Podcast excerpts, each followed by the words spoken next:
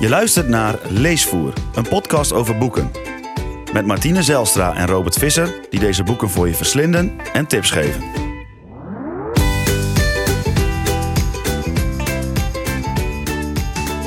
Welkom bij de 20ste aflevering van Leesvoer. Met deze week Cliffy van Adriaan van Dis en het verrassingsboek.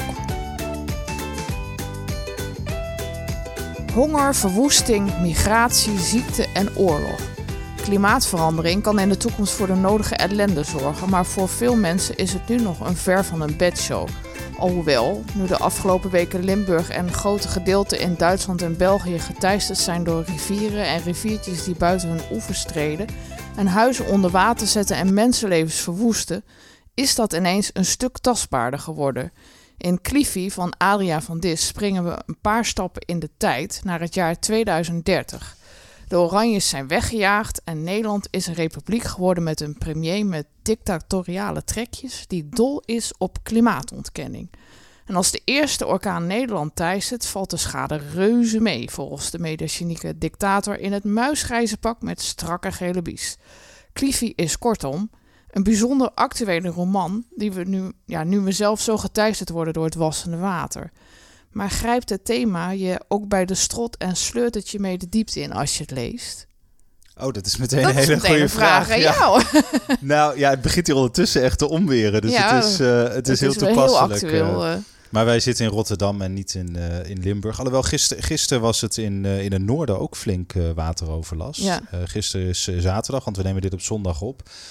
Ja, en dat maakt het inderdaad heel erg actueel. Ja, nou ja, Ehm, zo actueel dat jouw ouders eh, bijna eh, de plomp inreden toen ze naar Duitsland Ja, op vakantie gingen. nou, mijn ouders gingen naar Zwitserland. Nou ja, hè. naar Mijn zus die woont in ja. Zwitserland. En mijn ouders hadden mijn zus al anderhalf jaar niet meer gezien. En hun kleinkinderen ook niet. eh, De kinderen van mijn zus. Dus die gingen eh, ja, vol goede moed vorige week eh, op vakantie eh, onderweg. In, stapten ze in de auto onderweg naar Zwitserland.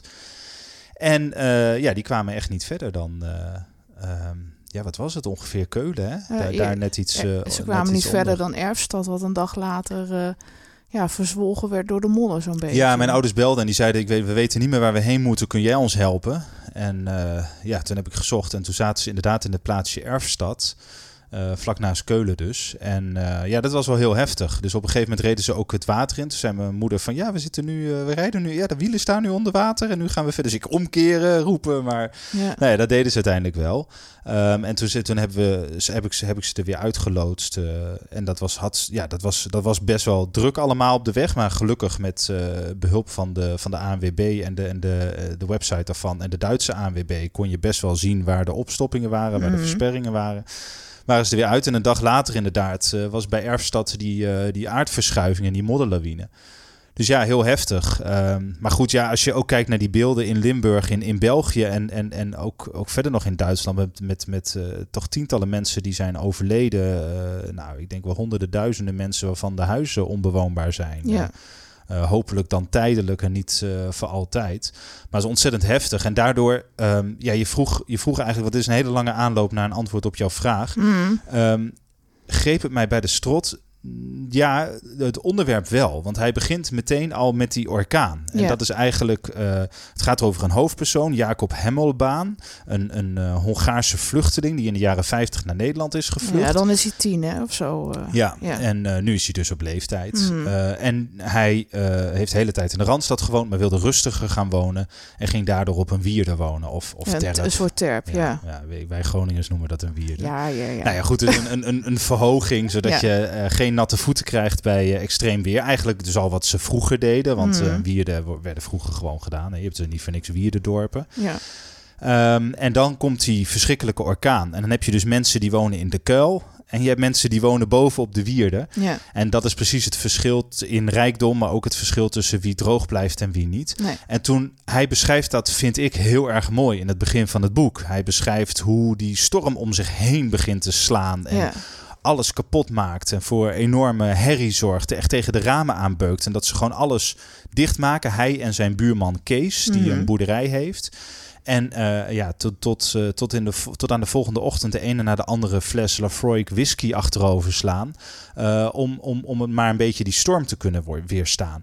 Daar Nou, begint omdat het ze mee. het ergens ook niet aankunnen wat er gebeurt om Nee. hen heen. Nee, en je zit erbij en je kijkt ernaar. Nou, ik denk dat dat ook een beetje het lastige is aan zoiets. eh, want je zag ook bij je ouders bijvoorbeeld dat ze het zich zo moeilijk konden voorstellen dat het uit de hand zou kunnen lopen. Ja. Ja.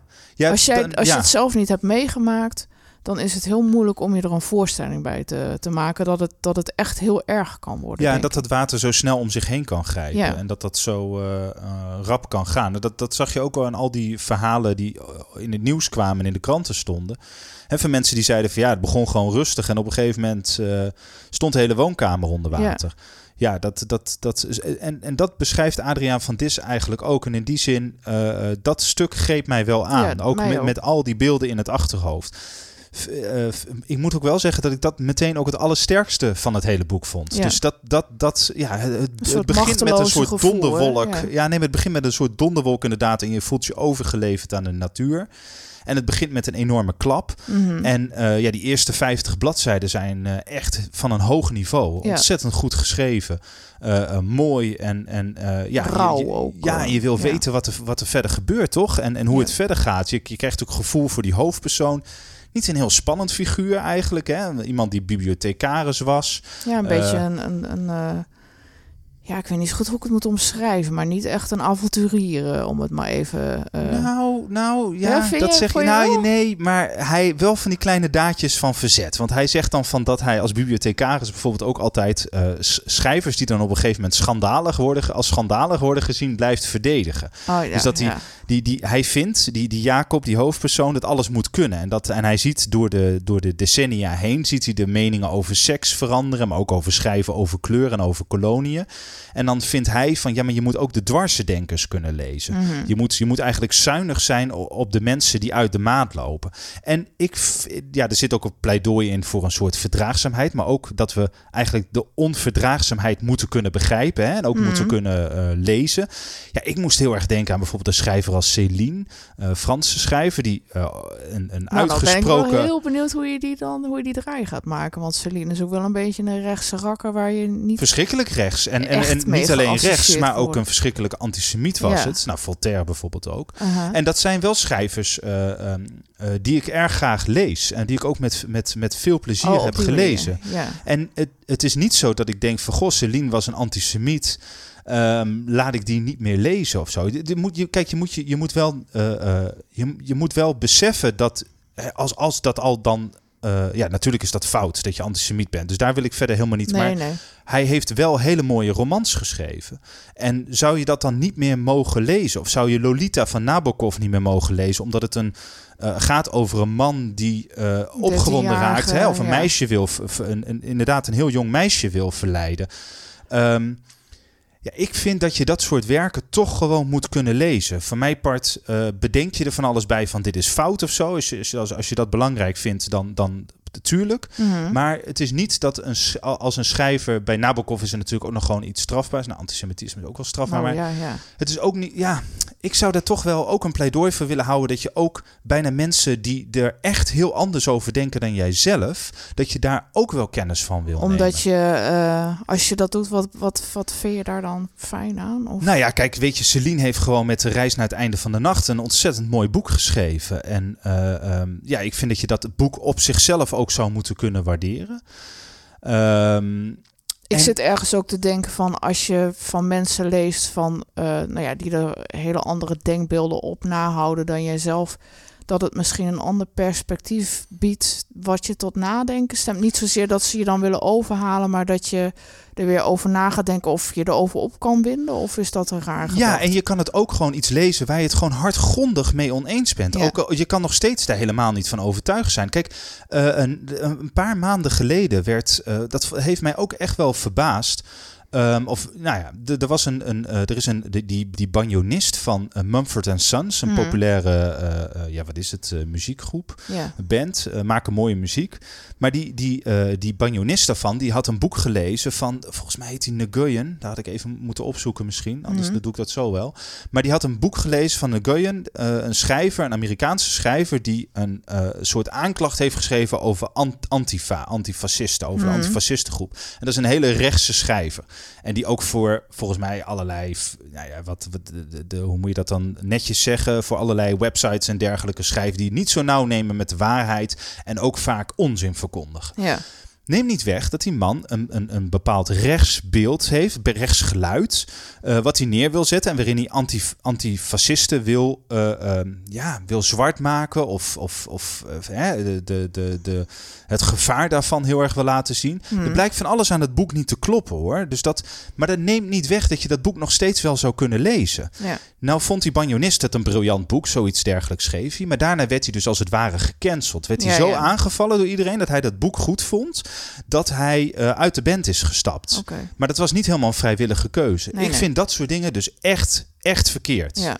En ja, da- daar gaat het boek misschien ergens ook wel over. Ook al- precies. Dat is eh, eh, een goed brugje. ja, nou ja, ik bedoel, de, de, die dictator die er aan de macht is, die wil eigenlijk alles gladstrijken wat hem niet aanstaat. En als de hoofdpersoon iets niet wil doen, dan is het dat wel.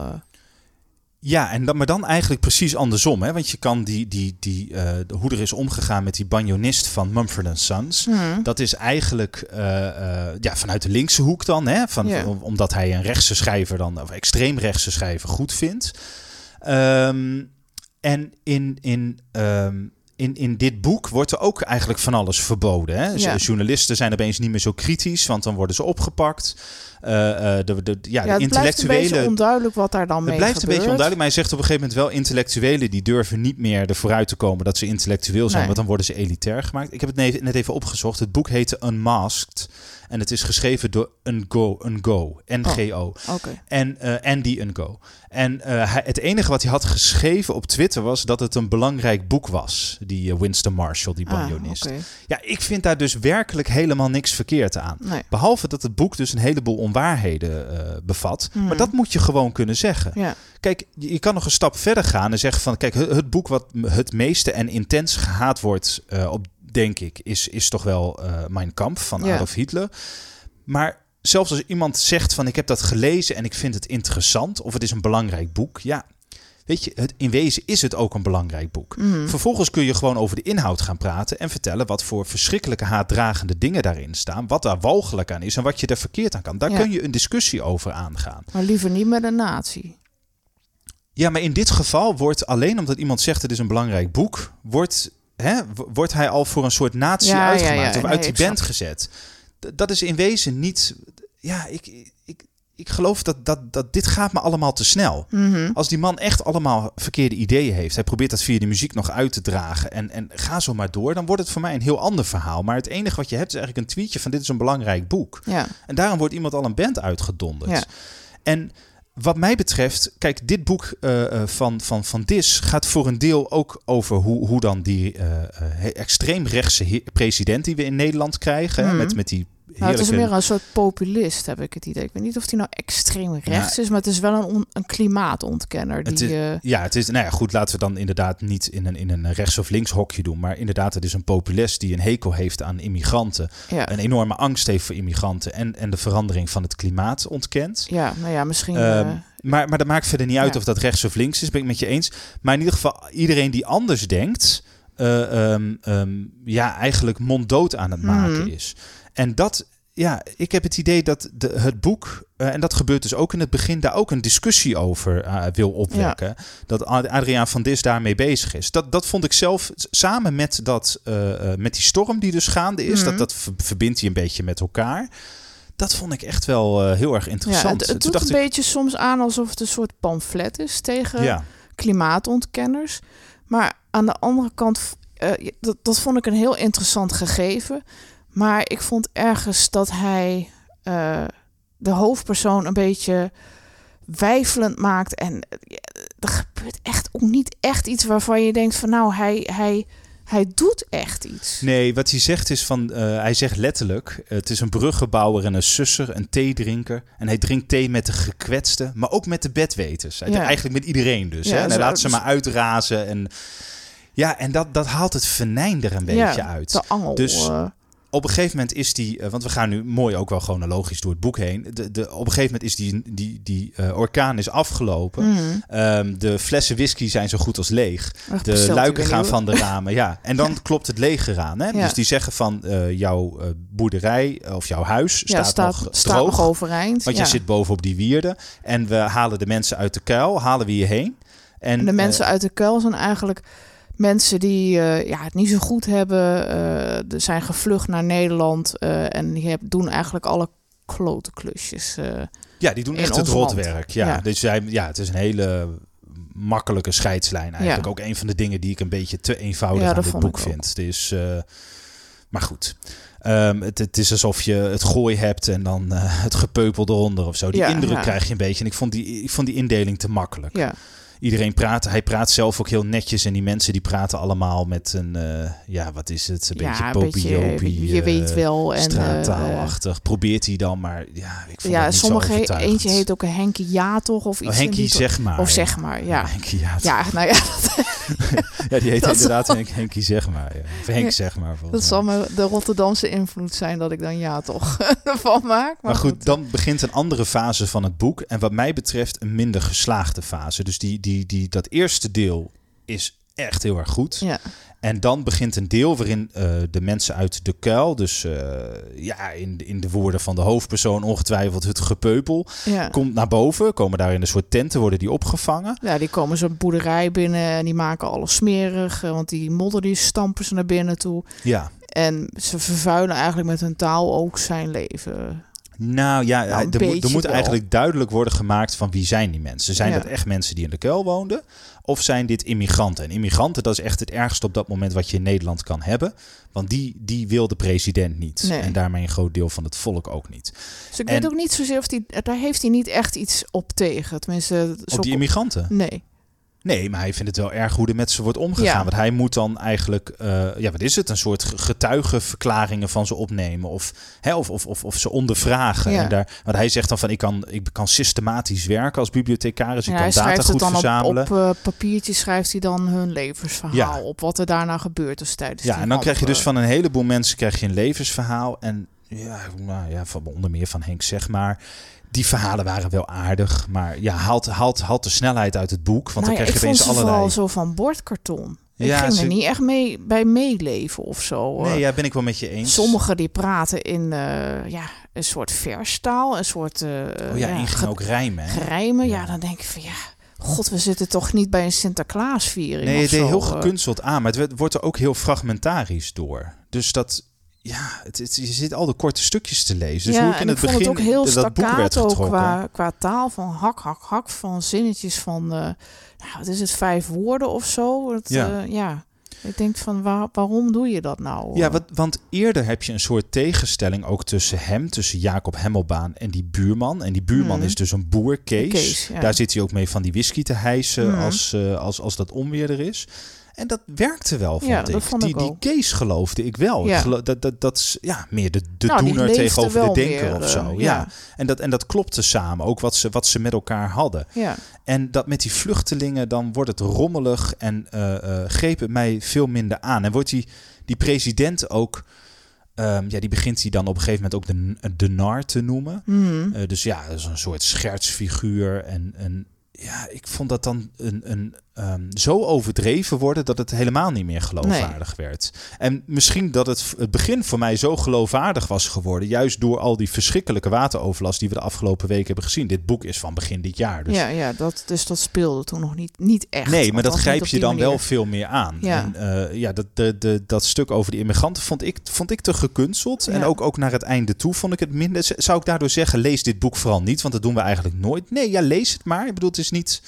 Het is niet dat ik het zou afraden, maar het, het, het, het, is, het is een van die rare boeken. En soms heb je dat gewoon met boeken die heel interessant beginnen. Ja. Waarbij er van alles ook door je hoofd raast over eh, hoe omschrijf je dat dan, klimaatverandering. En, en dan vooral de gevolgen daarvan voor mensen. Maar ook dus inderdaad die, dat gesprek wat we net hebben gehad over eh, kun je schrijvers nou cancelen. Of mensen die dan f- foute schrijvers lezen. Hoe moet je daarmee omgaan? Dat... ehm, vind ik een interessant, uh, interessante discussiepunt die, die, die, die wel door mijn hoofd bleven gaan. Waardoor ik het boek ook helemaal niet weg wilde nee. leggen. En ik, vind het ook, ik vind het ook helemaal niet raar dat je kiest voor een, uh, een president die uh, populistische trekken heeft. Want daar kan ik me echt wel wat bij voorstellen. Maar door hem dan weer zo als een nar op te voeren, dan ja. ook met die kostuums, hè. Grijze kostuum, je zei het ook al met gele bies. Denk ja. Ik, ja, weet je, het is, dat, dat, daar maak je net iets te mee. Maar goed, ja, nu leggen we wel. Ja, nou ja. Nou ja, dat, dat had voor mij niet gehoeven. Want dan is het weer net alsof het. Uh, ja, alsof je het een beetje in de zeik zit te nemen. En daar vind ik het onderwerp, geloof ik, te serieus voor. Ik had meer moeten kiezen van. Uh, ja, maak ik er nou een soort cynische uh, parabel van of zo? Of, of is het echt een serieus boek? Het is nu ja, het, het, is het allebei niet echt. Nee, nee ben ik helemaal met je eens. Dat, uh, ik, ik denk dat dat is wat, wat er uiteindelijk aan schort. En, ja. Uh,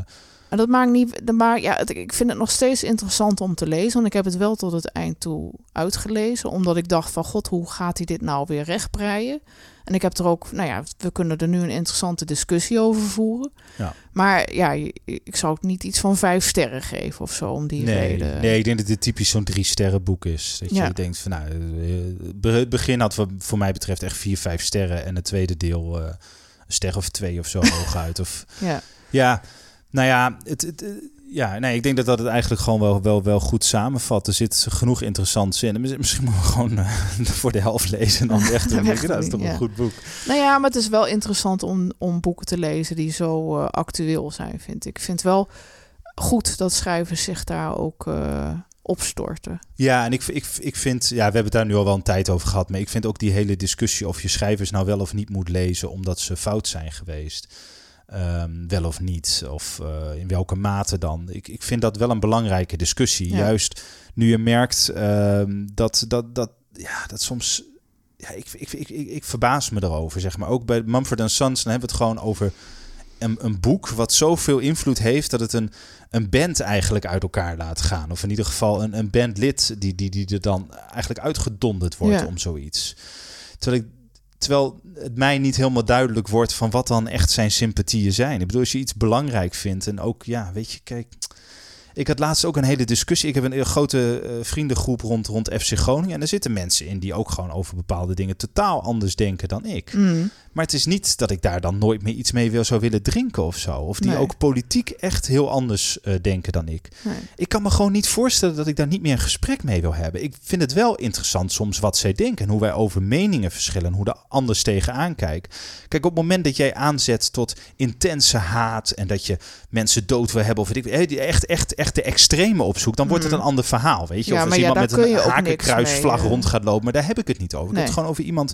Of, of over mensen die, die anders over een onderwerp denken dan jij. Dat, dat, vaak fascineert mij dat wel. Waarom is dat dan? En hoe zit dat dan? En ook als zo'n boek van die and Go nou ja, niet goed is, waarom dan niet? Dan wil ik dat je ook horen. maar met elkaar in gesprek kunt blijven gaan uh, over, over onderwerpen. En dat ze ook uh, jouw mening wel accepteren. Want als mensen je willen bekeren, daar heb ik nooit wat mee. Uh, nee, nee, dat sowieso niet. Nee. Nee, maar je hoeft elkaar ook niet inderdaad altijd te overtuigen. Het hoeft ook niet altijd de inzet te zijn. Nee.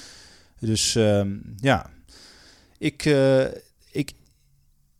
ja, ik, ik, ik, ik denk dat dat wel een van de belangrijke dingen is die, die in dit boek zat. En verder, ja, het, het, het water, hoe omschrijf je nou zoiets? En eigenlijk omschrijft hij gewoon wat de beelden die we hebben gezien. En ja. dat, was, uh, dat was aangrijpend. Ja. Zeker. Wat zou je verder lezen? Ja, heb ik... Uh, Na dit boek. Ja, ik, ik, heb daar even over nagedacht. En eigenlijk twee dingen. Een van de boeken die ik zelf wel leuk vond, die ook over immigranten gaan en over hun verhalen, maar wel beter zijn opgeschreven. dus ik dacht, ja, hoe kan dat dan beter? Dat is uh, Venushaar van uh, uh, Michail Shishkin, een Russische schrijver. En het gaat over een Russische tolk die verhalen, naar verhalen luistert uh, van politieke asielzoekers mm uit Rusland dus. En op die manier hoor je eigenlijk de hele geschiedenis van Rusland van de 20ste eeuw. En ondertussen tussendoor vertelt hij ook zijn eigen verhalen. Kom je er ook achter wat hij zelf allemaal heeft meegemaakt. En die mix van een persoonlijk verhaal en uh, uh, al die immigratieverhalen, dat, dat vond ik zelf wel sterk in uh, Venushaar gedaan. Hm. de schrijver woont ook in, woont in Zurich, in Zwitserland. En werkt ook als tolk bij de immigratiedienst. Dus hij zal voor een deel, groot deel zal hij het gewoon he, zelf hebben meegemaakt. Maar daar vond ik het veel beter uit de verf komen. Uh, anders waar ik aan moest denken was van ja, weet je, Adriaan van Dis is, uh, um, want dit boek is natuurlijk van Adriaan van Dis, heeft, heeft veel, uh, heeft andere boeken geschreven die eigenlijk nog wel veel beter zijn. Mm. Ik moet bijvoorbeeld denken aan Indische Duinen, dat is echt verreweg zijn bekendste boek. Gaat voornamelijk over een worsteling van de hoofdpersoon Nathan. Mhm. En dan de, hoofd, de, of de worsteling die hij heeft met zijn vader. Ja. Zijn vader uh, uh, voedt hem op een gruwelijk harde, strenge manier op. En overlijdt dan terwijl hij best wel jong is. Ik geloof een jaar of 10, 11. En um, naarmate die Nathan ouder wordt, begint hij steeds meer van, zich, van zijn vader te herkennen in zichzelf. En, en roept dat eigenlijk een angst op van, oh mijn god, straks ben ik net zoals mijn vader. Ja. Nou, die, die, die en waar, waar onderhuidse komt dat ook alweer uh, doordat die vader zo is? Die heeft in een jappenkamp gezeten, Klopt, geloof ik. Hè? ja, ja. En die vader wil hem eigenlijk voorbereiden op de volgende oorlog. Oh, ja. Dus um, ja, wel met goede bedoelingen zou je bijna zeggen. Nou ja, Uh, het is mooi je het bekijkt natuurlijk. nou ja, het is niet alleen maar omdat het een gemene man is, maar Nee, ook nee, een soort nee. slachtoffer van wat hij heeft meegemaakt. En dat hij zijn, zijn Hij wil zijn zoon weerbaar maken. Ja, ja, op een, op een, ja, op een eigenlijk een, een vreselijke manier. En dat, eh, ehm, dat boek geeft me wel aan. Er zit een, ook een onderhuidse spanning in. Je, je kan je heel erg inleven in de hoofdpersoon. Dus dat, is- dat is mooi. Wat me misschien nog wel meer aansprak, eh, of aanspreekt in het we- werk van Adriaan Vertis zijn zijn reisboeken. Ja. Ik vind die eh, sterk ondergewaardeerd. Zijn echt heel mooi. Mm. Ehm, en ehm, dan denk ik met name aan het beloofde land en in Afrika. Hele mooie, oprechte verhalen. Ook van, eh, eh, vooral in Afrika ook, met, dat, met, met de worsteling van hoe het daar is voor hem als, als, als witte man om daar rond te reizen. En dat je Mhm. een soort uniform ook aan hebt. En hoe je contact is en, en met, met, met andere mensen om je heen. En wat, wat voor eh, heftige dingen daar allemaal spelen over rassen en... ja, ik vond dat, ik vond dat heel sterk. Ik Ja. vond het indrukwekkend. Ja, nee, dat vond ik ook. eh. Het is wel even geleden dat ik ze heb gelezen, maar ik kan me niet voorstellen dat dat heeft ingeboet aan kracht. Denk je wel? Nee, dat denk ik ook niet. eh. ik denk dat dat juist heel invoelbaar is nu nog steeds. eh. Ja, en ik denk dat een van de, de grote kracht van Van Dis is ook dat het een hele oprechte verteller is. Hmm. Zeker in zijn reisboeken. Ja. Is het, hij spaart zichzelf niet en hij Nee. vertelt wat hij denkt en waarom. En toetst dat ook weer eigenlijk. Legt dat bijna anderen weer voor. Ja, maar hij is ook altijd wel een buitenstaander geweest. En dat maakt het denk ik ook dat het zulke goede boeken oplevert. eh. Ja. Hij heeft nooit het idee dat hij tot een bepaalde klasse behoort of iets dergelijks. eh. Ehm, zoals met Indische Duinen is ook wel echt heel duidelijk dat daar wel een, een iets eh, van zijn eigen geschiedenis in, in doorcijpelt. Zeker, ja. En eh, ja, dat maakt denk ik wel dat hij eh, goed in staat is om, om te laten zien eh, ja, de, de mooie dingen aan het leven, maar ook de dingen die, ja, die echt pijnlijk kunnen zijn. bijvoorbeeld tijdens reizen. Dat is niet alleen maar alleen leuk om, ja, hoe zeg je dat nou, om, ja, dat je mooie landschappen bekijkt, maar ook de pijnlijke dingen van andere culturen. eh, die legt hij wel heel mooi bloot altijd. eh. en niet Ja. alleen maar als een soort eh, van kijk eens hoe erg het hier is, maar ook dat hij dat op zichzelf betrekt. Ja, en, en, en we doen het eigenlijk zelden in, in deze podcast. Maar mocht je nou ook graag naar televisie kijken en iets met boeken willen of met, met Van Dis. Hij heeft ook Van Dis in Afrika gemaakt. Ik denk iets van, van tien jaar, ruim tien jaar geleden. Mhm. Ik denk dat je dat wel terug kan kijken nog, want dat was voor de, voor de VPRO. En eh, dat was ook echt ontzettend goed. Dat was ook eh, waarin hij zelf dus naar Afrika reist en, en daar verhalen optekent. Ja. Of nee, niet optekent, Nou, en hij heeft heel vertelt veel, en laat zien. eh, hoe heet het, ook heel veel schrijvers geïnterviewd. Die Ja, ook hier is Adriaan van Dis. Ik denk, dat, ik denk dat als wij één nationale knuffelschrijver hebben, haast. nee, maar ik bedoel, er is bijna niet een sympathiekere man dan Adriaan van Dis, ook op, op televisie. Ja. Maar ook, hij, ook, ook als je kijkt naar dat televisieprogramma, dan hier is Ad- Adriaan van Dis, is hij, kan hij ook super kritisch zijn. Ja, Maar wel op een, ja, hoe moet je dat zeggen? Op een heel goed onderbouwde, eh, fijne manier. ja. Nooit, nooit afzeiken of zo, maar gewoon op een, op een hele... ja En- altijd en soms zijn- geïnteresseerd. eh. en soms zijn zijn verhalen gewoon ook weer hartstikke intellectueel of zo. Van een, van een, maar neemt hij je wel mee? Hij probeert je wel mee te slepen. Hoe moet ja, je dat nou zeggen? Je zegt, het- naar je zegt het ingewikkeldere bijna dingen. alsof het een vies woord is. Maar eh, ja, als je dat bij hem ziet, dan, dan vind Nou, ik dat juist helemaal niet. Nee, ik geloof dus niet. ik- Kijk, ik, waar ik een hekel aan heb, is als mensen dingen moeilijk maken terwijl het niet hoeft. En Mhm. wat je wel kan doen, is je lezer, luisteraar of kijker meenemen op een reis waarin je steeds verder de diepte ingaat.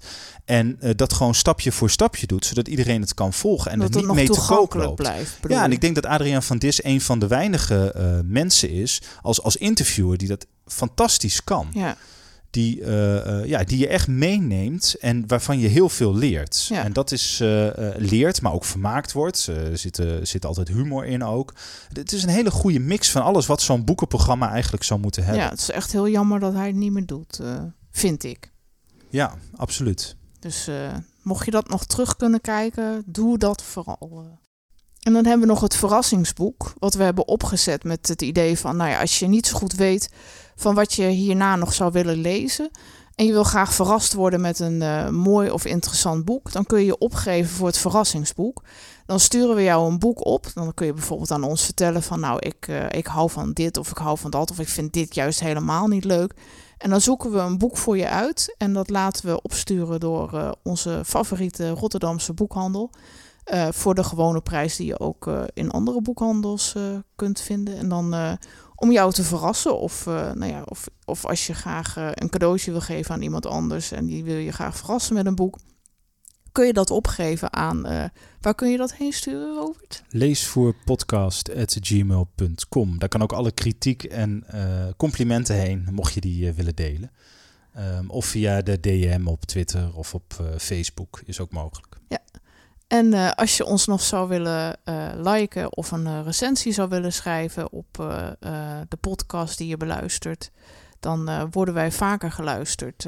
Ja, vooral bij Apple Podcast. Bij Spotify kun je dat geloof ik niet doen. Maar bij Apple Podcast ja, helpt het dat we dan hoger in de ranking komen en meer mensen naar ons luisteren. Dus mocht je dat willen, dan hartstikke graag en hartstikke fijn.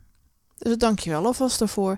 Wat gaan we volgende week doen, eh, Robert? Ja, dat is nog een beetje eh, een discussie. ehm, want dat hadden we nog niet helemaal afgesproken. dus dat, eh nee, ja, dat hou ik even in het midden. We waren er nog niet helemaal uit. Ah, Oké, nou dat wordt Maar we gaan in ieder geval, dus. ik weet niet of dat volgende week zou zijn, maar dat kan wel een klein tipje van de sluier, toch? Ja, Ik weet niet of het volgende week wordt, maar een van onze lievelingsboeken is opnieuw uitgegeven. En eh, dat boek is dus niet helemaal nieuw, maar wel, wel ja, op, verschijnt nu opnieuw in de, in de boekhandel. Dat wilden we eigenlijk wel vieren. Dus ja. één deze weken komen we met een uitzending over De Huilende Molenaar van Arto Pasilina, een eh Finse schrijver. En eh, nou ja, binnenkort gaan we vertellen waarom dat zo'n ongelooflijk goed boek is en waarom je naar de boekhandel moet rennen om die te kopen. oké. Nou, of en naar we, de biep, hè? Dat kan ja, ook. en we hebben nog de matlas. Ook eh, heel Ja, de matlas hebben we ook. Ja, dat is, eh, daar moeten we misschien niet te veel eh, over vertellen. De matlas in Den Haag. Dat is Ja. ook nog inderdaad één die we, die we willen meenemen. Ja. En we hebben nog iets Italiaans ook in de pijplijn. Ja, dus, Dus genoeg leuke dingen die eraan komen. dus blijf vooral luisteren de komende zomer. tot de volgende keer. Mooi.